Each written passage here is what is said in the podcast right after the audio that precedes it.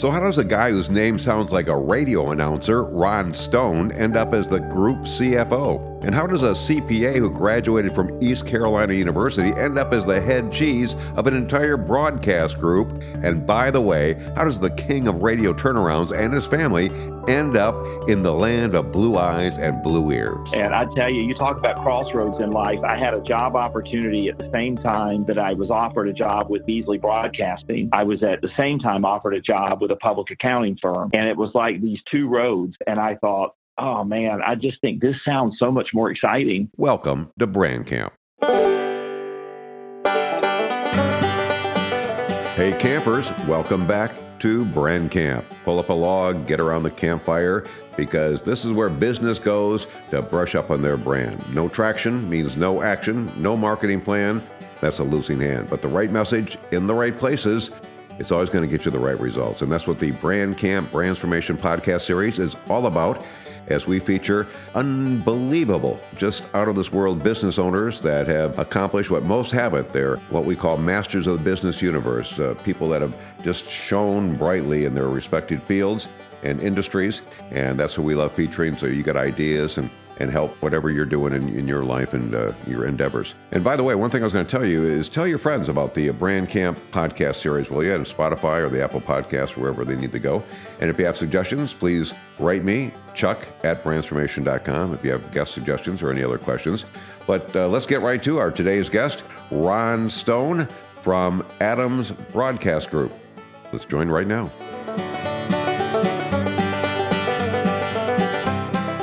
Let, us start. Uh, I don't. I know you got time, and I don't want to lose our time here together.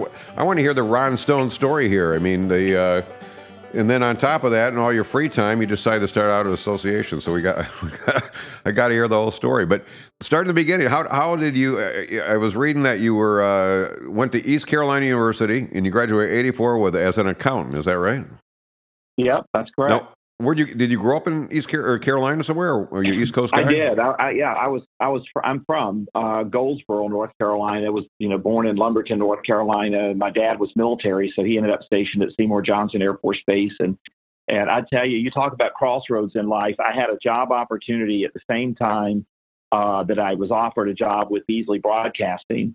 I was at the same time offered a job with a public accounting firm, and it was like these two roads. And I thought, oh man, I just think this sounds so much more exciting.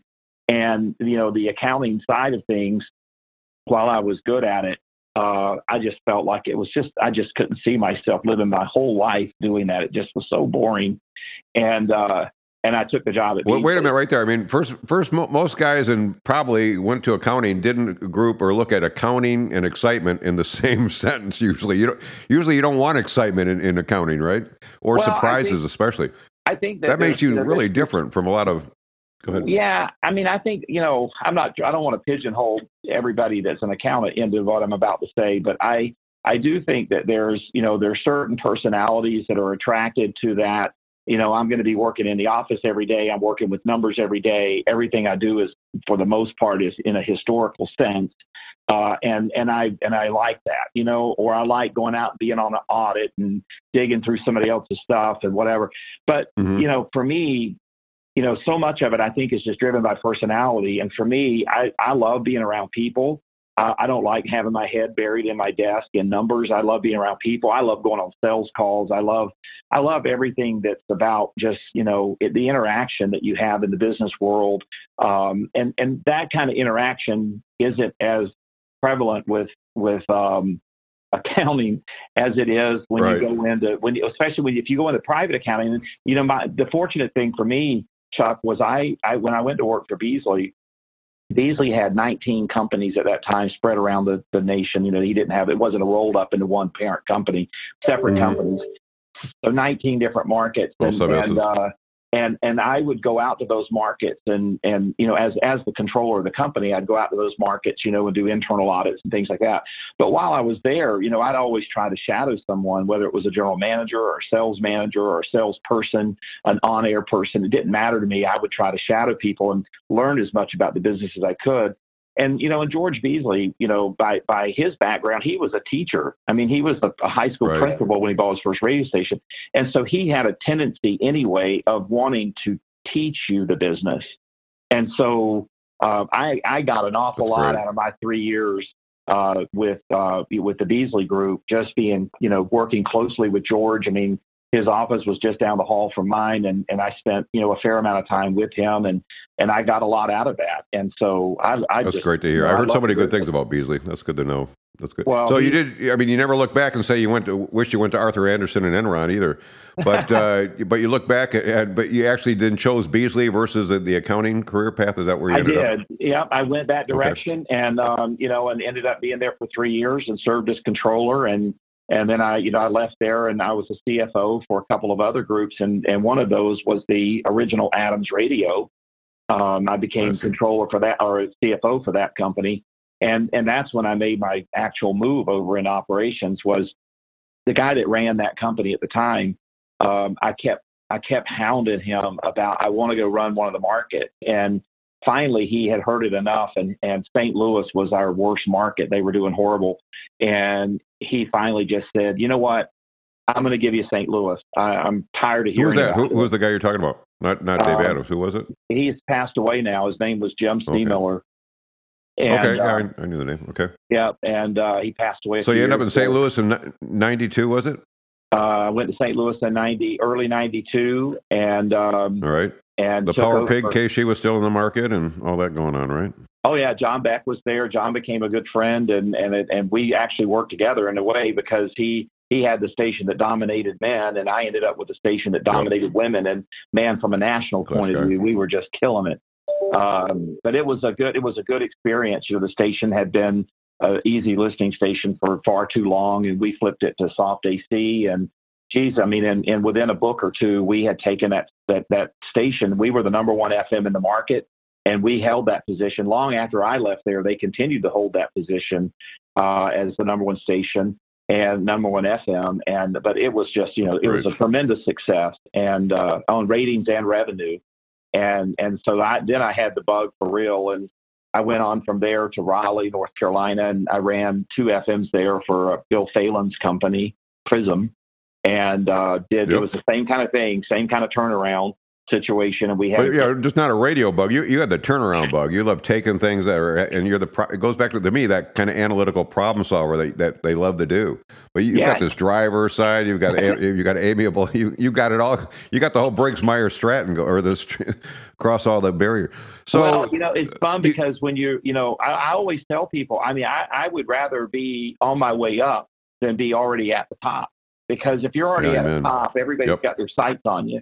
And if and when you're They're on your way up, you. I think you work harder. When you're when you're trying to build something, I think you work harder. You end up being more creative. Um, you, you you find paths to get where you want to get to uh, because you're really working at it. Versus when you're already at the top, you know, sometimes you can just get complacent. amen. Kind of true. Like when you're a salesperson, everyone loves you when you're a sales guy. Then you become a manager, and then no one likes you anymore. You know, Oh yeah. you're, you're not the guy on the white horse. So so you, it's you, you lose, different, lose your luster level. fast.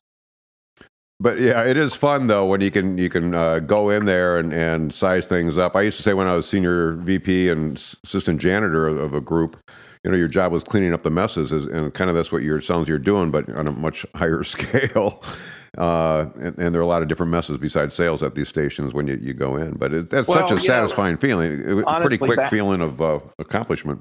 Back in the you know back in the days when I was a general manager and and this this is really all the way through the very last job I had as a general manager which was for Salem Media uh, here in Minneapolis. And I had their three AMs here which was unique for me because I had never run a company Mhm. that was just AMs and um, but even even with that company you know we went we we had a tremendous success in growing it. And but I you know things things were you know, things were different, I think, you know, than they are now, you know, back when I was a Yep. GM. And I, I look at what's going on in the world now. And I tell you, g- general managers, um, if you've got a good general manager, you really need to show your love and appreciation for that person because what they're dealing with now uh, is is radically different from the where the business was 10 years ago.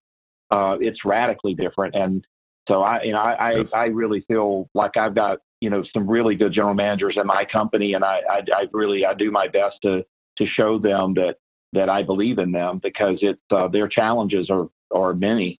uh, on a daily basis. Well, you've seen a lot of uh, different scenarios as you go into these markets. What, what, do you, I mean, if you had to boil it down to say, here are the top three things that make any of these companies successful that you strive for in your turnaround to write those things, or what are the three keys that have to be healthy in your mind to have a successful operate in any market? Number one is obviously the people. You're talking about having great people around you. Yeah, I mean the people are everything, and I think you know at, at, least in my case, when I went into markets that were you know turnarounds, and I I never went into one that wasn't a turnaround. By the way, every every place I ever ran stations, they were upside down when I got there. Uh, but it was the people, and sometimes you know that some of the some of the people you needed were actually there, but they weren't being mm-hmm. Either treated fairly or they weren't being treated right or they they weren't doing the right, the right job. I mean, they weren't. You know, they, they just right. needed to be some skill yeah, and and so you know yep. there, some, there was some really good ones already there, and then and then it's a matter of attracting the right people, you know. And I think that you know it, what you know if you start reaching out into the community and you start trying to find good people, you know, one of the things that I always found is you know look beyond just the guys and gals that have uh, been at every station in the market. You know, I think our industry has a tendency of just regurgitating the same people over and over in a different station, and I always try it's to look beyond sometimes. That. Yeah, you got to look beyond Good for you. You got to find people that. So how do you do that? You do local recruiting effort, or how, take St. Louis? Then what would you do? Yeah. Run radio ads? Would you? If they didn't have LinkedIn back in the '90s, what? Well, you know, for me, and I would do it no different today if I were running a station. For me, it wasn't really about running ads. It was about being personally being involved uh, in the community, going to the chamber events, going to, you know, if you had a mm-hmm. local radio association or broadcast association, being involved in it, uh, being involved in nonprofits, being involved in Rotary, uh, being involved in Kiwanis. I mean, the more of that kind of thing that you do, the more exposure you're going to get to other people in the market who are similar to you, right? Because they're trying to serve their community, they're trying to do the right thing for their businesses and their communities, and so you meet a lot of really cool people when you when you put yourself out there. And so that's how I personally recruit, and that I've that's how I always did it. Um, and to me, there was nothing better than you know to to me i go to a chamber event. If there's 150 200 people at a chamber event i do my best to get around every single person i can. And you know you can kind of single people out. You, you obviously you know what you're looking for. Uh, so try to single those people out and then try to have those conversations with them and get them excited about your business and and you know that is so huge. that is so huge. I used to I used to. Don't you think radio's lost that or broadcasters? Go ahead. I'm sorry. Well, I was just going to say, I used to bring people in for interviews with me that competed with me, uh, even the people that I knew I didn't want to hire, because I knew if mm-hmm. I could get in front of them, I could get them excited about what we were doing. And in a worst case is I'd send them back to the place they're working where they might not be completely, ha- obviously aren't completely happy or they wouldn't have met me to begin with. So I would send them right. back uh, with a desire to want to be on our team and uh, and that was sometimes as beneficial to our success as have you know is, is hiring the right person to have on your team. I, I always shared you know what we were doing and where we were going, and you know I always had a, a vision of, of, of being able to win. And and when you when you you know that that's a that is a contagious thing. You know if you can express that the right way, it becomes contagious. And so even the ones you don't want will still want to be with you, and that's helpful. What's so brilliant about that, and people don't realize that it, that's such a proactive thing. You know, it's not like the phone ring; it's not urgent, but it's important. And I think radio broadcast, because of the takeover and the consolidate, they've lost that. But you talk to rock star broadcasters like yourself or the Zimmer boys, whose actually father was in St. Louis. You probably know, got their start with, with oh, one sure. of the signals there and uh, or you know Duke Wright uh, talking with a Midwest man. All those you know non-publicly owned companies, uh, they they get that you still got to marry yourself to the community and, and become. And, and I think they, you know a lot of broadcast companies have lost that whole because again it's not urgent. You don't have to make the month type of thing. But if you aren't doing that long term, you don't have that kind of wealth, like you said, of resources, people. Uh, that you built a lot of goodwill for, and that is huge. I've seen that in any top-notch successful broadcast operation, respective of the ownership, frankly, you know. Uh, but it seems to uh, large or small, it's it's again taking the time because that takes a lot of time. You'd rather go home than go to the Lions Club or go do that fundraiser on Saturday, right? Oh, absolutely. But you know, I tell you, that for me, you know, it's all about if you're going to be a general manager of a radio station, and I really, I think where I picked this up was was probably in St. Louis because there was a there was a man in that market at the time that ran KMOX. His name was Bob Hyland, and he had been there forever. Great, legendary, legendary. legendary. Mike Zimmerman yeah. actually replaced him. Go ahead. Yeah. When, when did uh, he pass away? Oh my gosh, it was in the it was, uh, late, late 90s. Was it in the 90s? Yeah, yeah. yeah. He, the guy was. Le- I mean, you talk about a legendary broadcaster. Well, he he, he owned St. Louis, and, and, he earned. You know, he earned that because he was he was he so involved in the community throughout his whole career there. And uh, but there was a there was a saying in St. Louis uh, about how you know how how powerful uh, and how much how much impact he had. His opinion mattered. That they said that if if if um, if you got a phone call from Bob Hyland and at the same time got a phone call from the governor of Missouri, you would take Bob Hyland's phone call. I mean, that's how strong he was. And and and you know that to me was something to really work toward. And and so you you kind of start digging into you know how did this guy get this kind of status? And and he got that, that status because you know. he was a he super served the community uh, down there and and and always did. And he insisted that his people did that. And so I, I, I guess in a way, I kind of stole the whole idea from him because I, it's like I saw this guy that was, you know, in, in terms of radio was kind of a, you know, just a legend and, and how successful he had built his radio station. And so, you know, it's like, well, my gosh, you know, it's not hard to figure out, you know, people, business people are going to do business with people that they see that, that care about the same things they care about. And most business people have a deep care for their communities. And so if you're out there side by side with them and you're you're helping sell roses because that's what the, Ro- the Rotary does in that market for raising money for their big fundraiser. You're going to be out there on the street with them. And I, I tell you, I I insisted that my staff do the same thing. It wasn't just me. If if I went to a chamber event, uh, my entire sales staff and most of my on-air staff uh, went to that event too. And and so it, it was kind of funny. In in almost every market, it was people would say to me, "My God, you're like half the people in the room," and because they would see our name tags and and it was like, well, you know what? Frequency sells, and so every time you see my call letters on somebody's chest, on their name, on their on their name badge, um, it makes an impact with you as to how involved we really are, that we care. But but it's I don't think that part's changed. I mean, I think you know we've got some no. obviously have some limitations on what we can do right now during COVID. But at the end of the day, uh, the best run radio stations and the most successful radio stations are the ones where the entire staff really eats, sleeps, and breathes their community and serves mm-hmm. and gives back. Uh, and when you do that, it comes home to you. So simple, but again, you have to take a long term view, and, and it's a lot of work. And maybe that's why it's not getting done as much, but I'm not sure. But it, it it's it's right there. You just got to execute. What else do you see things like that, other secrets of success that maybe you could share, Ron, uh, that you see that any group or any business owner needs to focus on to, to be successful?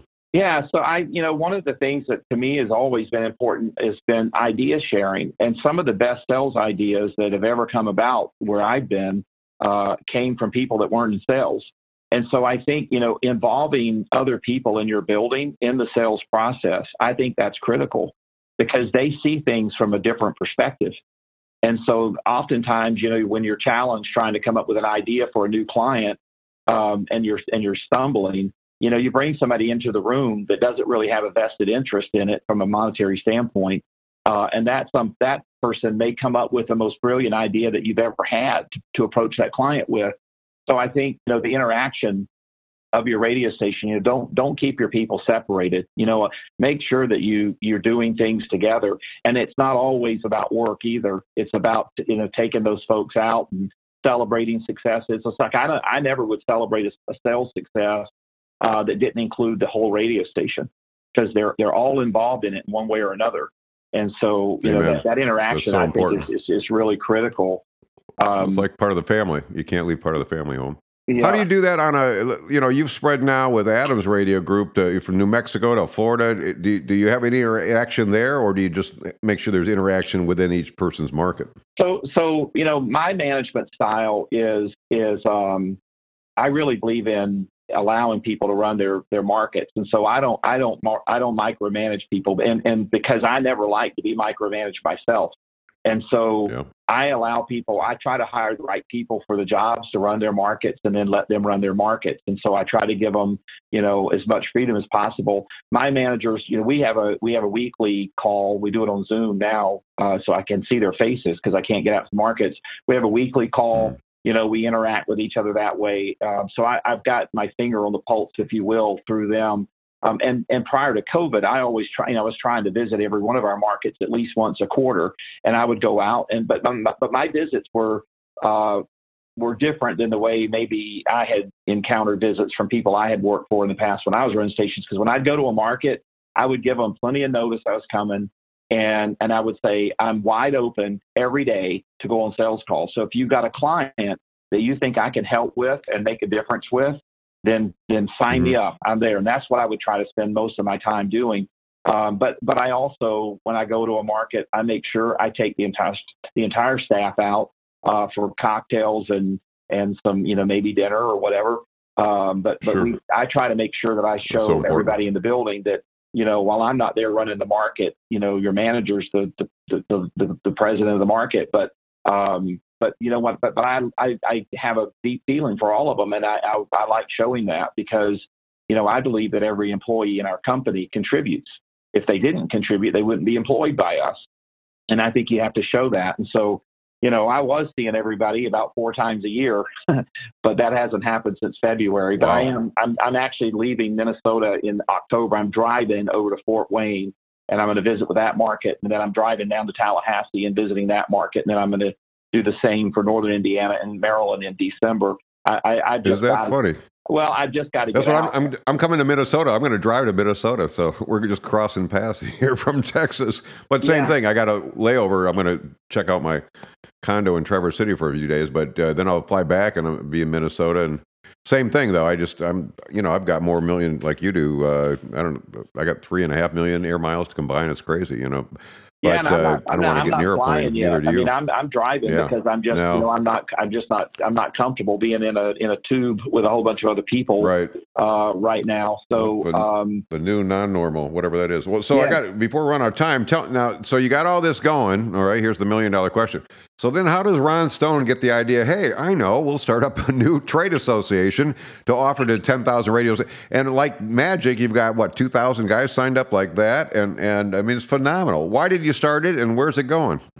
Well, I, will the, tell it's you, called the Independent Broadcasters Association, IBA. Go ahead. I'm sorry. Yep. And you know, I started thinking about this in 2018, and you know, I I was I was actually at an NAB convention when I when I started thinking about it because it just it just mm-hmm. kind of occurred to me that you know I'm a small company, uh, five markets and and uh, a small you know small company, and I'm at this event that I'm paying a lot of money to be at, and and realizing that not much of what was going on there really was going to impact my business one way or another, and it just wasn't focused on independent uh, operators that that are challenged daily uh, with all the challenges that we have, and I started thinking about it at that point, and and and I had started laying kind of the groundwork for it all over the last couple of years. And then when COVID hit, um, I reached out. I, I actually I, I, was watching television one day, Chuck, and I saw this this thing on San Antonio food a, a food bank down there where all these people were there trying to get food, and I just was looking at this huge parking lot with all these people and all these cars and you could just tell from looking at the cars, these are people that weren't typically going to a food bank. And it just it hit me that, you know, you, there's so many people that, that live in our country that, you know, they live paycheck to paycheck, but they don't realize it. They never mm-hmm. really think about it because they're never without a paycheck. All of a sudden, you had all these people that were without a paycheck realizing that I can't just go to the grocery store this week because I don't have the money. And so it really moved me. And I, I reached out to a ton of broadcasters to see if we could put together a one day event to try to raise some money for Feeding America. And the end result of that was we ended up with 3,400 stations participating in that event. And so really? that had wow, never happened no before. It never happened before in this industry. That's ever. fantastic, man. And so I, at that moment though, I realized if I can get 3,400 stations to participate in an event that, that to help other people, then I think for sure we could get them to participate in something that might help them. And so that's when it really started, you know, going full speed ahead. Um, we we spent about six weeks trying to get people to sign up to show their interest. It was more about gauging the interest. And in six weeks, we had just under 3,000 stations signed up to say, I will be a part of this. And we just launched the website two weeks ago. And so now people are in the process of converting over and actually becoming true members. And, um, and mm-hmm. so we've got that well underway. But we've got, you know, Chuck, we've got so much going on with this organization. And I'm so excited about it because this organization is not about having a, a, a bureaucratic nonprofit organization that serves the only purpose it truly serves is, you know, keeping itself alive. Uh, very self-serving, in my in my opinion. A lot of organizations are. This organization is the total opposite of that. Every single thing we do in this in the IBA is designed to either impact the top line or the bottom line by by by way of expenses uh, to help independent broadcasters be more uh, more profitable. And so we've launched, you know, we, we've already announced a, a, a partnership with AdLarge uh, to for having an independent national rep firm, or excuse me, uh, um, an independent network of all the stations that are part of the IBA, where AdLarge will sell some inventory for them and drive it back to them um, directly from AdLarge. It doesn't flow through the IBA. But this is this is mm-hmm. going to give these independent stations a chance to compete for some of this network money that used to be spot money before the networks took it from us. Uh, clients like Home Depot and and Geico and Progressive Insurance and others uh, that know that we you know we still clear their spots, but we're not getting any money for it. Now now we're going to have a shot at getting some of that money. Um, I'm announcing okay. this week, uh, along with Kevin Garrity uh, at Gen Media, we've got a very exciting announcement to make about um, national. And that's coming. I don't want to say too much about it on this call, but that's coming this week. And I am extremely excited about that because that was a key issue with when I did a survey monkey of the independents of what they really wanted. That was a key issue of having having an independent uh, rep firm. So we've got an announcement coming this week on that. Uh, I'm going to save digital for last because that's that's that's the big the big one. Um, but there, so mm-hmm. so some of the other smaller things that we're doing is um, uh, what we're calling member shared services, where we intend to create an opportunity to where maybe if I've got a country radio station in Fort Wayne and I need to syndicate my morning show because that's just what I need to do. Um, well, maybe I could maybe I could help pay for uh, for David Stevens' country station uh, morning show in one of his markets uh, and we could share the cost of that. And I wouldn't have to give up any inventory, and I certainly wouldn't have to give it up to somebody that I compete with that owns one of the other networks. And so there's going to be an awful lot of that going on, uh, including you know production opportunities to help each other with production. I mean, think about it as putting all of your people in a pool and allowing everybody to have access to them, uh, but you also have access to everybody else's. And so I think this member shared services concept is going to go a long way in helping a lot of stations. Um, we've got a discounted pricing program that I've set up with uh, going going to vendors uh, that do business with the mm-hmm. with the industry and saying, look, we're we're willing to put you out there as a preferred vendor to the independents, but what you've got to give us in return is you've got to provide those independents with a discounted price, substantial discounted price, uh, below what you would have normally charged them. That's the benefit they need to see coming if, if the IBA is going to put their their stamp of approval on you. And so we got mm-hmm. that going on. We're working on a group health insurance plan through the association, which I think we'll have available for open enrollment next year for 20 for the 2022 calendar year, uh, which will have better insurance options at lower costs for all the members. our um, I'm not going to go through every single one of these because you, you don't want to hear. Well, no, but how are you going to? Uh, so long term, you're going to have to build a whole separate staff there. Are you going to run this all out of uh, Minnesota then as well, or how does that? What's your long term vision? So, how this thing goes? Well, so it's it, it's a it will run concept. out of, it will run out of Minnesota. Um, I do anticipate mm-hmm. having more staff. Believe me, I'm spinning more plates right now than I've ever done at one time in my life. Uh, so there I will bet be Kim doesn't people. see anymore at all, does she? No, it's uh, it's crazy, but uh, but she understands how important this is to me to to try to you know leave this industry in better shape than it's in right now. I just don't want to. As I said, I'm 59, and you know, you know, maybe I retire when I'm 65, and I, I'd like to be able to hand this off to somebody else and say, you know, this is this is what we've been able to do to help the independent radio owners, and and and now we just got to continue doing good things. but some of these other things, Chuck, I'll just point out one more. But um, you know, this traffic, we're working on a new traffic system right now that encompasses traffic, a CRM system, production manager, and we'll also have a yield management system built into it, all in one. And the best wow. news of all of it is just using Adams as an example. I'm going to save fifty thousand dollars a year when I convert to this new system. Fifty grand a year. So wow. every single person out there that's that's paying too much for some of these things are going to end up being able to benefit in a very large way as we roll these things out. And I think, you know, we've got basically we've got about 14 items on the list right now, things that we're working on. And I think it's going to take us a couple of years to get them all rolled out. Uh, but we're rolling things out as quickly as we can. And, um, and and it's exciting. And I think everybody that gets involved in, in the business uh, of being a part of the IBA gets excited about it. The, the, the one thing, though, I want to share with you that I think is the most powerful of all is, is cre- the creation of a digital network platform that every independent broadcaster could, could, um, could, could work underneath, right? Think about this. You got $185 billion a year being spent in digital with the Googles of the world, right? Radio no, no. isn't getting any of it. What, what we call digital revenue is nothing more than selling an existing client a little bit more, maybe. Sometimes it just is the same right. money, just being switched yeah, differently. Uh, but it's yep. scrapped. And what I want to go after is the $185 billion that's real digital. And the only way that radio is ever going to do that is if we've got the majority of the radio stations under one platform where you can go to a brand manager at Procter and Gamble and you can say, listen, you place one buy, it's a $10 million buy, let's say, and you're going to be on every single radio station's website. You're going to be on their streams.